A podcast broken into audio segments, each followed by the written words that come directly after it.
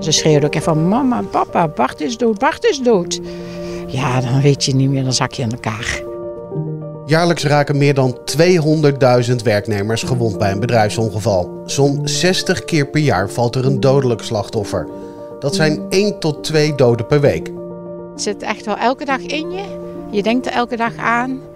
En soms uh, kun je het gewoon niet aan. Zo dat gevoel heb je dan natuurlijk wel. Ondanks dat je wel probeert door te gaan.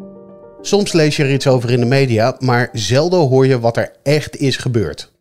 Ik ben Reinier Vermeer van de Gelderlander. In deze podcast praat ik met nabestaanden van zo'n bedrijfsongeval.